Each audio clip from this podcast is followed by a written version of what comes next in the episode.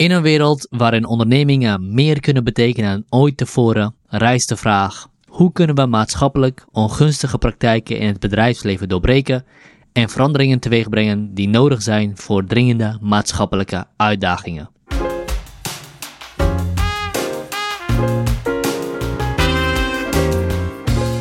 Welkom bij Vogelvlucht, de podcast van de Wetenschappelijke Raad voor het Regeringsbeleid.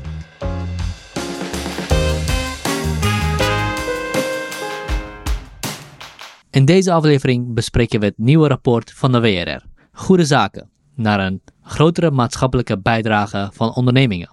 We hebben te gast Marten Hesselmans, die hier spreekt over de patronen binnen de overheid. Ons is opgevallen dat, dat ze de neiging heeft om bepaalde bedrijven uit de wind te houden. Bedrijven die vaak ook behoorlijke invloed hebben, marktmacht, ook invloed op politiek en overheid. En onze tweede gast, Katrien Beideveld, over de creativiteit van het bedrijfsleven. Als je tegen bedrijven zegt, dit is de grens, dan zullen bedrijven vanzelf iets moeten gaan verzinnen. En we weten allemaal dat er enorm veel creativiteit in het bedrijfsleven zit. En die hebben we heel erg hard nodig, omdat we voor gigantische maatschappelijke opgaven staan. Luister mee terwijl we de inzichten ontdekken van dit rapport, de knelpunten die bedrijven ervaren en de aanbevelingen die de WRR doet. Voordat we het rapport induiken, ben ik benieuwd naar hoe jullie dit onderzoek ervaren hebben. Katrien, laten we met jou beginnen. Nou, heel erg interessant in ieder geval. We hebben heel veel gesprekken gevoerd met veel bedrijven, beleidsambtenaren. We hebben heel veel gelezen. En in ieder geval heb ik daar ontzettend veel geleerd wat ik nog niet wist. En jij, Marten? Nou ja, ik heb ook echt enorm veel uh, geleerd in dit hele proces. Ook wel af en toe wel echt eye-openers gehad. En wat was dan zo'n eye-opener? Dat bedrijven nog veel creatiever zijn. Dat, dat meen ik echt. Want ik ben echt onder de indruk geweest van de oplossingen die ik heb gezien vanuit die bedrijven. Omdat wij gingen daar natuurlijk langs. En ik zeg er ook gelijk bij, ook wel de enorme rol van de overheid daarbij. Daar stond ik toch wel van te kijken. Daar gaat ons rapport natuurlijk ook echt over. Want je ziet dat ondernemingen ja, er ook wel naar die overheid kijken. Van uh, ja, alles wat, wat we doen en wat we verzinnen, wat we bedenken, daar hebben we een stukje overheid ook bij nodig. Katrien, wat, uh, wat was voor jou een eye-opener? Voor mij was een eye-opener dat heel veel bedrijven zelf de noodzaak al voelen om te veranderen. We spraken op een gegeven moment met een CEO en die zei: Kijk, als ik niet vergroen, dan komen de goede mensen niet meer bij mij werken. Ik moet wel. Ik denk dat het ook belangrijk is om te benoemen dat wij telkens ook weer terug in de boeken zijn gedoken. Die gesprekken die waren uitermate nuttig. Maar tegelijkertijd wilden we ook wel heel goed kijken van... hey, wat zien we vanuit de wetenschap? Ja, dus we hebben uh, heel breed bevraagd. Niet alleen bedrijven, ook de beleidsmakers, ook de wetenschap, ook allerlei actoren daaromheen. Zodat je ja, als het ware een soort dekkend, coherent beeld krijgt van het landschap dat je onderzoekt. Oké, okay, mooi. En jullie hebben het over die maatschappelijke functie of die maatschappelijke verantwoordelijkheid van bedrijven en dat de overheid die zou moeten stimuleren. Maar waarom moet de overheid zich eigenlijk gaan bemoeien met het bedrijfsleven?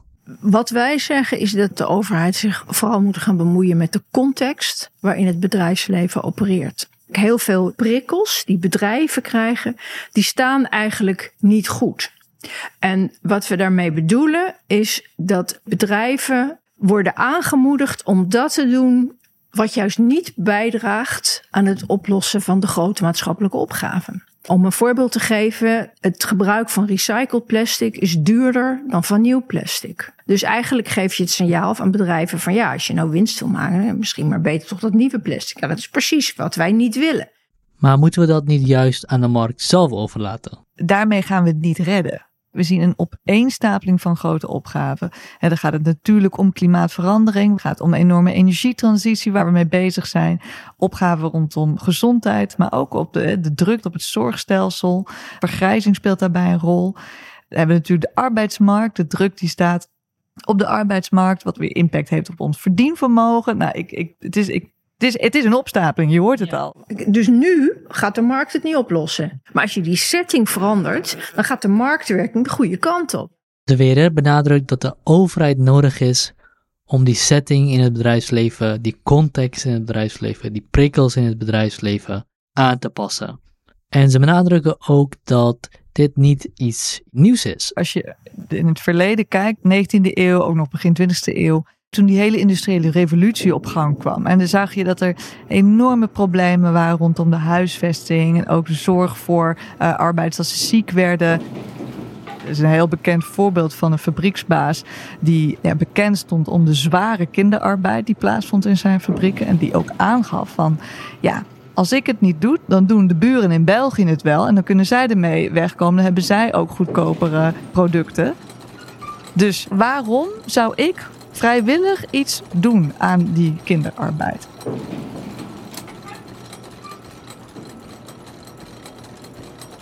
Het heeft een hele tijd zo geduurd. Er is een, uiteindelijk een enorme beweging opgekomen. Vanuit arbeiders, vanuit vakbonden die ook opkwamen.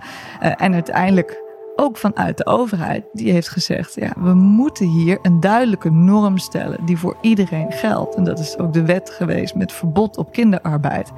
En uiteindelijk zien we ook dat dat bedrijf van die fabrieksdirecteur die zei: ja, nee, wat nou als de Belgen toch doorgaan met de kinderarbeid?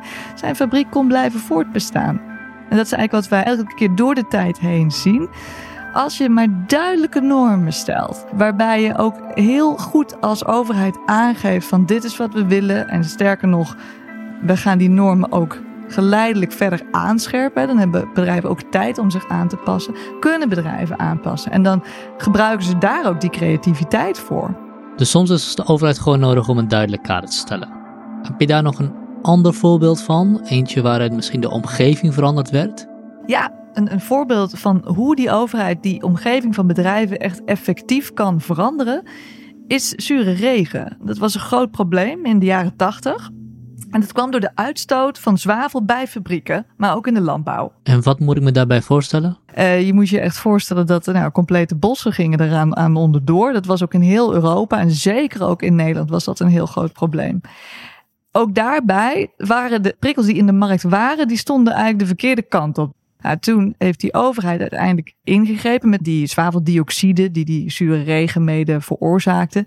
Die zijn ze gaan beprijzen op verschillende manieren. Het interessante daarvan is, niet alleen hebben bedrijven zich aan weten te passen, zijn er installaties uh, gekomen die zuiverder werkten. Hebben we ook gezien dat er ook alternatieven kwamen, dus dat bedrijven ook met producten en productieprocessen zijn gekomen waar helemaal geen zwavel meer bij nodig was. Bleek ook allemaal mogelijk te zijn. En zijn uiteindelijk de doelstellingen die we ons hadden gezet in Nederland eerder behaald dan het plan was. Dus door beperkingen op te leggen zou je zelfs innovatie kunnen versnellen. Dat is ja, zeker wat we zien. Ja, als je tegen bedrijven zegt, dit is de grens, dan zullen bedrijven vanzelf iets moeten gaan verzinnen. Dan zullen ze vanzelf naar die oplossingen toe werken. Dus als je zorgt dat je, ja, als het ware, de stoplichten, de impulsen, de signalen, als je die goed zet, dan ben je gebruik aan het maken van de creativiteit van dat bedrijfsleven. En die hebben we heel erg hard nodig, omdat ze voor gigantische maatschappelijke opgaven staan.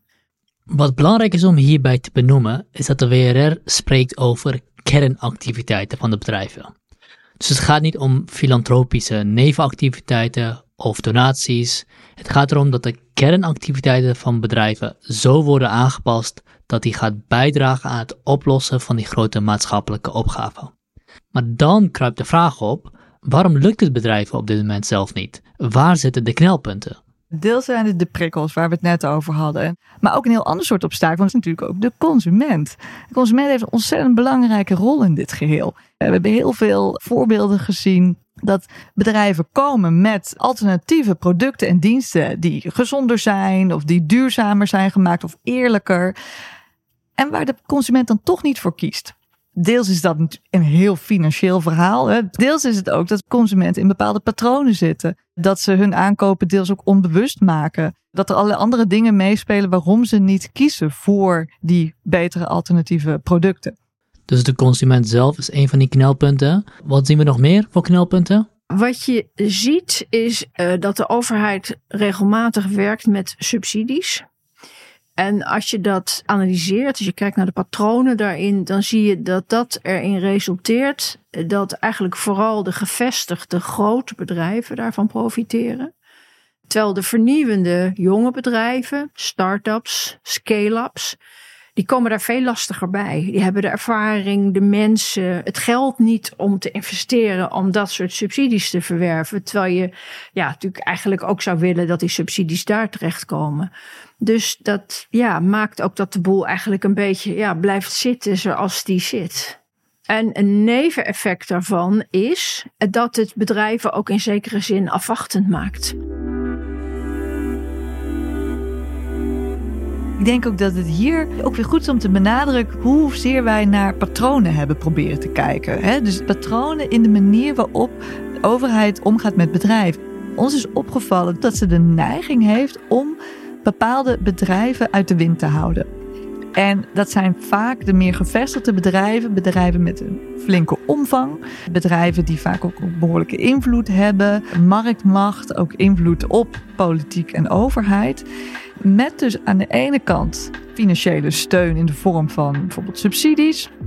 Maar ook met fiscale regelingen. Denk aan bijvoorbeeld belastingafspraken met multinationals. En daarnaast ook met milde toezichtskaders. Ja, jullie noemen dat in het rapport pamperen. Wat zijn de gevolgen daarvan? Dat bedrijven dus bijvoorbeeld wachten tot dat ze ergens financiële steun voor krijgen en niet zelf al eerder gaan investeren in die innovaties die zo hard nodig zijn voor die opgave waar we voor staan.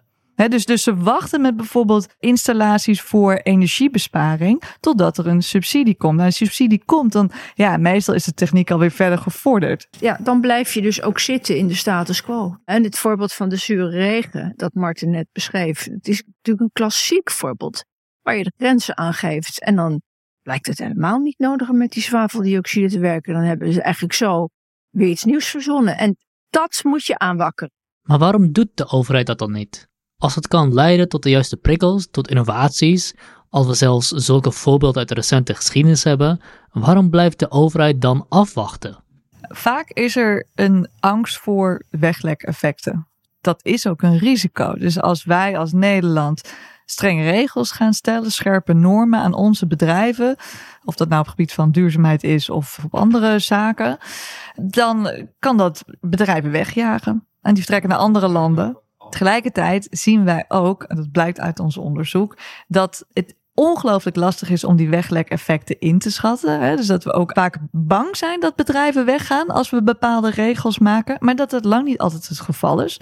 En dat het ook om hele andere factoren kan gaan. Vestigingsklimaat, wat speelt daar nou een grote rol mee? Absoluut regels van de overheid spelen een rol. Maar daarnaast ook hele andere zaken, eh, zoals het niveau van onderwijs van de beroepsbevolking, zoals infrastructuur, ongelooflijk belangrijk. Je kunt je dus ook voorstellen dat wij hier koploper worden op bepaalde terreinen, omdat we bepaalde dingen hier ontwikkelen, omdat je die creativiteit hebt aangewakkerd. Dus durf wat meer risico te nemen, zeggen jullie eigenlijk ook wel een beetje.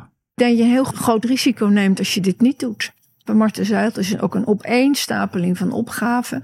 En dan kun je proberen om van alles met allemaal subsidies aan te doen. Maar wat wij eigenlijk zeggen, als je nou zorgt, ik had het over die magneetfunctie of die prikkelfunctie. Als je die goed zet, dan gaan bedrijven dat doen. En vergeet niet dat er ook aantrekeffecten kunnen zijn. En dat bedrijven juist gaan investeren daar waar de normen streng zijn en duidelijk denk bijvoorbeeld in de maakindustrie, daar is veiligheid van personeel is ongelooflijk belangrijk. Zijn we ook heel veel tegengekomen bij chemiebedrijven. He, chemie, er zitten gevaarlijke processen in. Belangrijk dat er goed met werknemers wordt omgegaan. Nou, dan zie je dus dat bedrijven er baat bij hebben. En dat ze ook juist naar de plekken toe gaan waar er duidelijke strenge regelgeving is. En ook waar er goed wordt gehandhaafd. Als je daar duidelijk beleid op zet, kan je daarmee ook die bedrijven aantrekken.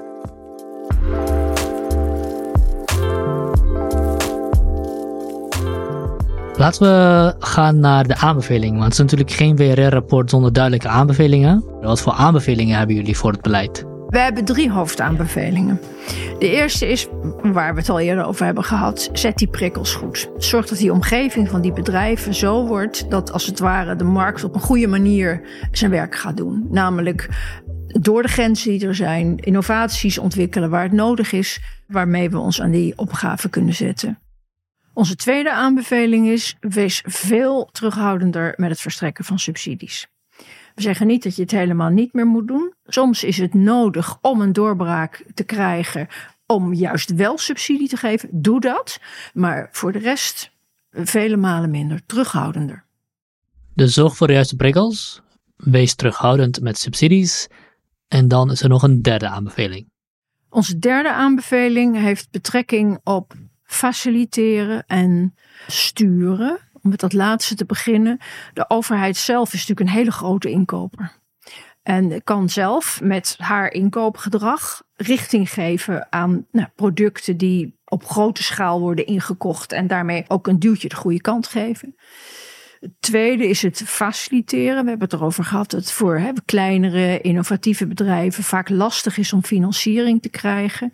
En wij stellen voor om een constructie in het leven te roepen, waarbij dat makkelijker wordt voor dat soort kleinere bedrijven om financiering te krijgen voor innovaties. Misschien wil jij nog iets meer daarover zeggen, Marten. Zeker, dus dat is een van de aanbevelingen die we ook doen. Dus we zeggen, zet nou een stevig publiek-privaat financieringsvehikel op. Bijvoorbeeld een publiek-private bank. Waarbij je de kennis en het geld voor de aanpak van opgaven bundelt. En we hebben natuurlijk nu mooie investeringskanalen zoals InvestNL, zoals de Groeifonds. En wij zeggen eigenlijk voeg die nou samen op één plek, zodat je ook meer slagkracht krijgt. En betrek daar die private partijen erbij. Het is een zakelijk verhaal. Uiteindelijk moet het aanpakken van die opgave moet lonen. Ja, dus zo'n publiek-private bank moet ervoor zorgen dat zowel het kapitaal als de kennis over hoe je die uitdagingen overwint bij elkaar komen. Wat ik toe zou willen voegen, wat belangrijk is bij onze aanbeveling, dat geldt voor alle aanbevelingen, dat het cruciaal is dat die overheid consistent is in haar beleid. En zo'n publiek-private bank, maar ook bijvoorbeeld het normeren, het neerzetten van duidelijke criteria voor het beleid zelf, is belangrijk om ook die overheid een beetje aan de mast te binden. Ondernemingen gaan pas echt investeren in al die creatieve oplossingen voor opgaven als er stabiliteit is in dat beleid. Tot zover de aanbevelingen voor bedrijven. Hoe zit het met consumenten? Wat kan de overheid doen om het gedrag van consumenten te beïnvloeden? Want jullie zeiden eerder al, een van de knelpunten is dat consumenten niet altijd voor die gezondere, duurzamere of lokaal geproduceerde producten gaan. Inderdaad, het gaat niet alleen om die bedrijven, het gaat ook om de consument. Bedrijven maken natuurlijk producten met de wens dat consumenten die kopen. En wat je natuurlijk zou willen is dat consumenten dan graag die betere producten kopen. Nou, daar kan de prijs een rol spelen biologisch of groente en fruit zijn ontzettend duur. Dat is ook een reden waarom we het hebben over beprijzen van dingen. Dus het duurder maken van dingen die niet bijdragen aan het oplossen van de opgave. En het ja, misschien wat ontzien van producten die wel bijdragen aan het oplossen van die opgave. Maar wat ook heel belangrijk is, en dat laat onderzoek ook zien, is dat die consument dan ook de informatie heeft om die keuze te maken die je wil dat hij maakt. Dus betere informatie, scherpere beprijzing, realistischer beprijzing in het licht van de doelen die we allemaal nastreven, dat bevelen wij ook aan. Maar de consument kan niet innoveren. De consument kan alleen een andere keuze maken. Is het in die zin niet juist beter om de producent te belasten? Dus aan de productiekant de belasting te verhogen. Kijk naar nou, de energieprijzen, die natuurlijk enorm gestegen zijn. Nou, hoogstwaarschijnlijk verder gaan stijgen. Dat raakt mensen. Dat is al heel problematisch, omdat je enorm moet kijken naar hoe rechtvaardig is dat nu eigenlijk. Nou, dat is ook het WR-rapport over klimaatrechtvaardigheid. Daar verwijzen wij ook zeker naar. Wij zeggen daarom ook, ga dan niet alleen kijken naar die energieprijzen, maar ook, ga dan ook normeren richting bijvoorbeeld de huiseigenaar of de verhuurders, dat ze die huizen isoleren, zodat het ook voor consumenten gemakkelijker is om te besparen. En dat soort combinaties, daar moeten we elke keer naar gaan kijken. Daarom is het ook een vrij integraal advies. Ja. ja. Mooi, dankjewel. Wat zou je nog willen meegeven aan politieke partijen? Als ik één ding zou willen meegeven, is dat politieke partijen heel scherp gaan kijken naar wat voor soort regelgeving ze voor ondernemingen neer gaan zetten. En als je dat nou terugbrengt tot één kernvraag die politici zichzelf kunnen stellen? Brengen we hierbij meer duidelijkheid in het systeem of gaan we het stelsel dat we al hebben van allerlei fiscale regelingen en allerlei potjes en programma's nog complexer maken? Wij zijn juist voor meer eenvoud ook in de manier waarop er met ondernemingen op wordt gegaan. Dat zouden we politici ook heel erg mee willen geven. En daarnaast, hou nou dat toezicht in de gaten. want als die toezicht en handhaving niet op orde is, ja, dan merk je dus, dan slippen er toch weer ondernemingen doorheen, bewust of onbewust. En daar hebben juist die vernieuwende partijen, die hebben daar last van. Dat is die hebben daar last van, Ja. want die zijn lekker bezig. Maar dan in één keer merken we, oh nou, dan kan die ander kan gewoon wegkomen met het lozen van En afvalwater. zelfs ook in Ja. interview de grotere bedrijven, hè, die dat ook. Hè. Ja, je zou geneigd moeten zeggen, nou, dat willen bedrijven helemaal niet. Die willen niet dat er strenger gehandhaafd wordt. Want dan kunnen ze. Dus heel veel bedrijven zeiden tot ons: nee, dat willen we wel. Juist. Want anders dan gaan die anderen, die, eh, die glippen eronder door. Terwijl wij hier ons, onze best zitten te doen. Nu we het dan toch over die bedrijven hebben, is er iets wat je hen zou willen meegeven? Nou, zeker. Ik ben blij dat je die vraag stelt. Want eh, absoluut, als we iets hebben gezien, is het wel bedrijven hebben keuzes. Ze kunnen echt keuzes maken. Keuze maken voor eh, bijvoorbeeld het stimuleren, het nutje van consumenten om producten te laten repareren. En niet elke keer iets nieuws te kopen. Eh, ze kunnen keuzes maken voor het scholen van werknemers. Hè? Daar hebben ze uiteindelijk ook zelf heel veel baat bij. Ze kunnen keuze maken voor, nou, nu investeren in die energiebesparing, nu investeren in die zonnepanelen, nou, zodat ze daar eh, later ook op lange termijn baat bij hebben. Dank jullie wel voor jullie tijd.